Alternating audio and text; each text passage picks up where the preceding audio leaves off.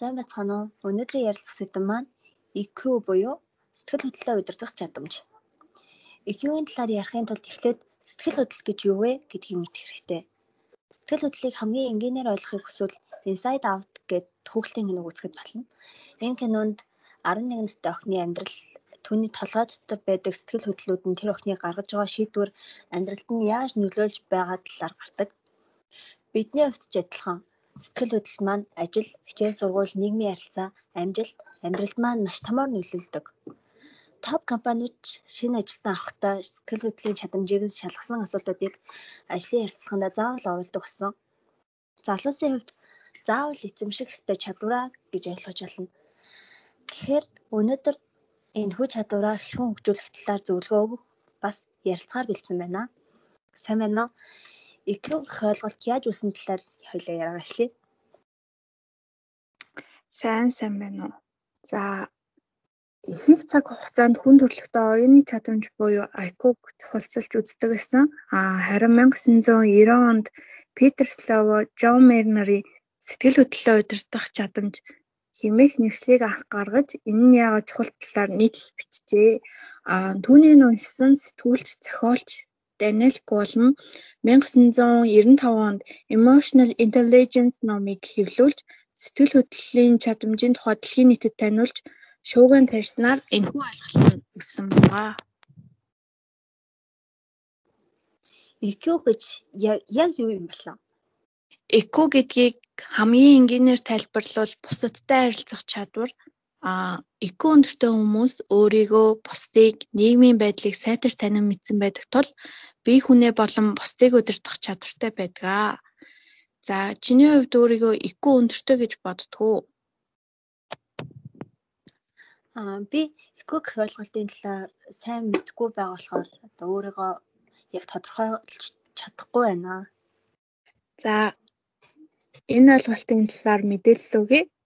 За IQ өндөртэй хүмүүс бусад хүмүүсийг бодвол хамаагүй жаргалтай бас амжилтанд хүрсэн байдаг. Амжилтанд хүрсэн хүмүүс ихэвчлэн IQ-гийн 5 гол чадамжийг эзэмшсэн байдаг. За энэ 5 чадамжийг нэрлэе. За эхний эхнийх нь болохоор өөрийн бодол, мэдрэмжийг танин мэдэх. Энэ бол тухайн нөхцөл байдал зам мэдрэмжээ танин мэдэх чадвар буюу IQ-гийн тулгуур зарчмын нэг а нэг л мэдгээд гуйнэрсэн альваг хийх итгэхгүй санаа зовнсон зэрэг мэдрэмжүүд төрдөг. Эдгээрийг зөв цайнан мэдэх хариу үйлдэлээр өөрчилж чаддаг байх нь зүйтэй. Мөн хамгийн ууртай үедээ ямар үйл хөдлөл гаргадаг уу, хамгийн жаргалтай үедээ ямар сэтгэл хөдлөл, ямар үйл хөдлөл гаргадаг уу гэдгийг танин мэдэх. А хоёрт нь болохоор өөрийгөө удирдах чадвар. Эхний чадвар буюу мэдрэмжээ танин мэдснээр тухайн нөхцөл байдалтай тохируулан өөрийгөө удирдна. За хамгийн ууртай үедээ дараа нь харамсгаар үйлдэл хийхгүй тул уураа дард сурах тийм арга барилыг олж авах хэрэгтэй гэсэн үг. За гуравт нь болохоор өөрийгөө итгэжүүлэх мотивац өгөх буюу урам зоригтойгоор хийх чадвар. За тэгвэл хэрхэн өөрийгөө итгэжүүлэх вэ гэвэл хүчтэй итгэл найдвартай байх. Энэ нь зорилгодоо хүрэх өөрийгөө итгэжүүлэхэд төлөвлөж болж өгдөг байгаа. За хоёрт нь болохоор өөдрөг үзэл бодолтой байх. Альваг эргээр харж чадвал бартаг туулахад хэлбэр байдаг аа. Авдааг суралцах боломж гэж харж түүнээсээ ихийг суралцаж чаддаг. За дөрөвт нь болохоор бусдыг ойлгох чадвар. Хүүхдүүд бага байхаасаа аав, ээжийнхээ хөдөлгөөн, харц, биеийн хэлийг мэддэг болох бөгөөд цаашид энэ бусдыг ойлгох, мэдрэмжийг нь мэдэх чадвар болон өгчдөг. Мөн тухайн хүний ярианы өнгө, биеийн хилэмж, үйл хөдлөлийн ажиглаад тэр хүний ямар сэтгэл хөдлөлтөй байгааг нь ойлгож мэдрэх чадвар байгаа. За тав дахь нь болохоор бусадтай харилцах чадвар. А хүний мэдрэмжийг ойлгон мэдэрснээр түүнд нь тохируулж харилцах, ярилцах чадвар. За эдгээр эдгээр чадвар хөгжсөн хүнийг ихгүй өндөртэй хүн гэж үздэг байгаа. За чи сая би чамд мэдээлэл өглөө. Одоо чи өөрөө өөр дээрээ дүнэлт хийгээд өөрийгөө ихгүй өндөртэй хүн гэж бодож гин үгүй юу гэд саналаа уулцаач. Аа одоо эндээс харахад бол би өөрийнхөө ихгүй чадварыг дэжгүй өндөр гэж үзэж байна. Яа тэгвэл энэ таван чадварыг бол би яг IQ гэдэг утгаар утгаар нь биш ч гэсэн өөртөө суулгахыг хүсдэг болохоор нь хөгжүүлдэг гэж хэлж болно.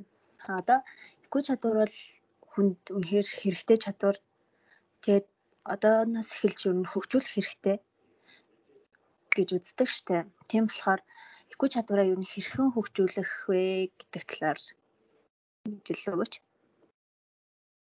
За IQ чадвар хөгжүүлэх 6 алхмыг та бүхэнд хэлж өгье. За нэгдүгээр алхам нь болохоор юу мэдэрч байгаагаа ажиглах тасгал хийх.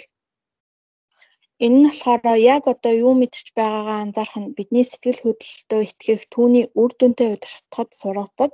Хитгэн орон засварлаад яг одоо би юу мэдэрч байна? Энэ ямар сэтгэл хөдлөлөө гэдэг асуултанд хариулах гээд үзээрэй. Үүнийг тогтмол хийснээр сэтгэл хөдлөлөө зөв таних удирдах боломжийг бүрдүүлдэг. За хоёрт нь болохоор ямар үйлдэл хийдэг вэ? IQ чадруудын нэг ойлголт нь сэтгэл хөдлөлөө удирдах бөгөөд бид ухамсартайгаар анзаарч сурсан үед үүнийг хөгжүүлдэг. Юу мэдэрч байгаагаа анзаараад зогсохгүй сэтгэл хөдлөл бий болсон үед ямар үйлдэл хийдэг, энэ нь таны амьдралд хэрхэн нөлөөлж буйг таних нь чухал юм аа. Гуравт нь өөрийн мэдрэмж, зан үйлдэлтэй хариуцлагатай ханд. Таны хийж буй үйлдэл, сэтгэл хөдлөл өөр хэн нэгнээс бус зөвхөн танаас бий болдог. Ба тиймдээж хариуцлага хүлээх үнэн зөвхөн та юм. Хэн нэгэн танд муухай зүйл хийснийх нь хариу та түүнийг зохисон бол үүндээ хариуцлага хүлээх хэрэгтэй. Хэн нэгэн таныг утсан үгэлтэй мэт өдөртөн цохих үйлдэл хийлгээгүй шүү дээ. Таны хариу үйлдэл таны л хариуцлага. Юу хийсэн, юу мэдэрч байгаадаа хариуцлага хүлээж сурах нь таны амьдралд чухал өөрчлөлтүүдийг авчрах болно. Дөрөвт нь болохоор өөртөө болон бусдад эмпати бай. Эмпати гэдэг нь хүний эмпати гэдэг нь хэн нэгнийг яагаад ийм мэдрэмж мэдэрсэн, яагаад үүнийг хийсэн гэдгийг ойлгох чадвар ба энэ нь бусдын ойлгож харилцахад тусалдаг. Өөрөөсөө эхлээд үзээрэй. Та сэтгэл хөдлөлд үйлдэлээ анзаарах тасгал хийх үедээ яагаад би ингэж бодоод байна вэ? Яагаад надад ийм мэдрэмж төрж байгаа юм бол яагаад би ийм үйлдэл хийдэг юм бэ гэх мэт асуултыг асуугаарай. Эхэндээ хариулт нь сайн мэдэхгүй байж болох юм. Гэвч практик тогтмол хийн дасгал үргэлжлүүлснээр өөр өөр хариултыг олох болно.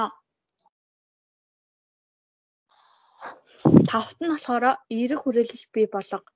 Өөрийгөө ажиглах, хариуцлага хүлээж сурах, өөртөө эмпати байх зэргээс гадна амьдралынхаа хаана нь, юунд сэтгэл ханамжтай байна, юуд юунд танд эргээр нөлөөлж байна вэ гэдгийг анзаарах цагийг өөртөө гарга. Эерэг орчин хүрээлэл бий болгох нь амьдралын чанарыг нэмэгдүүлээд зогсохгүй таны эргэн тойронд байгаа хүмүүст нөлөөлж эхэлдэг. За хамгийн сүүлд нь IQ бол амьдралын процесс. Энэ чадвар нь нэг л удаа хөгжүүлээд өнгөрөх зүйл биш бөгөөд үргэлжлүүлэн хөгжүүлсээр байх боломжтой амьдралын практик юм. Америкийн Америкийн сэтгэл судлаач Даниэл Голман IQ бол тасралтгүй үргэлжлэх орлого хэмээн тодорхойлсон байдаг. Сэтгэл хөдлөлийн оюун ухаанаа хөгжүүлэх аргууд нь хүн бүрт харилцаа адилгүй нөлөөлдөг. Тиймээс та өөрт хамгийн тохиромжтой аргыг сонгон практик хийгээрэй.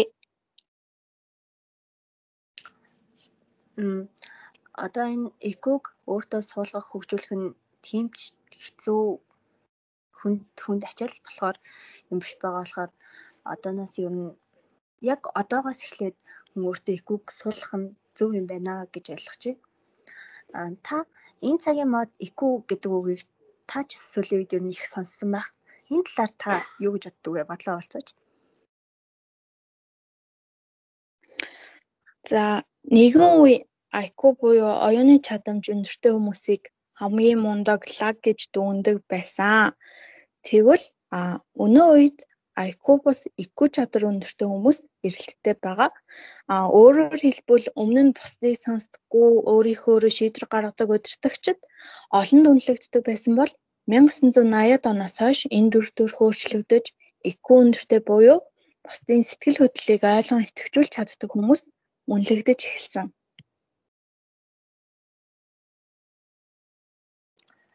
Зүйтэй. Тэгэхээр одоо ер нь эко гэдэг чадвар бол хүмүүсийг наацхийн ажил дээр гарахад хүртэл үнэхээр хэрэгтэй чадвар юм байна. Тиймээс одооноос эхлээд оюутан байхаас эхлээд суулгаад явчихвал илүү тухам юм болов гэж бодлоо. Аа бидний хамгийн гол зорилго бол ажилд орох байгаа. Үүний тулд бид 4 жил суралцж байгаа. Тиймээс энэ 4 жил суралцж байгаа цаг хугацаанд ажил олгогчдын хүсдэг энэ хүч чадварыг өөртөө эзэмшүүлээрэй гэж хүсэж байна. За баярлалаа. Энэ үнэхээр хэрэгтэй экологи чадварын талаар багахан ч гэсэн ойлголтыг хүмүүст өгч чадсан байхаа гэж найдаж байна. Бас энэ сэдвээр надтай чөлөөтэй ярилцсан танд үнэхээр их баярлалаа. Намайг өрсөнд бас баярлалаа.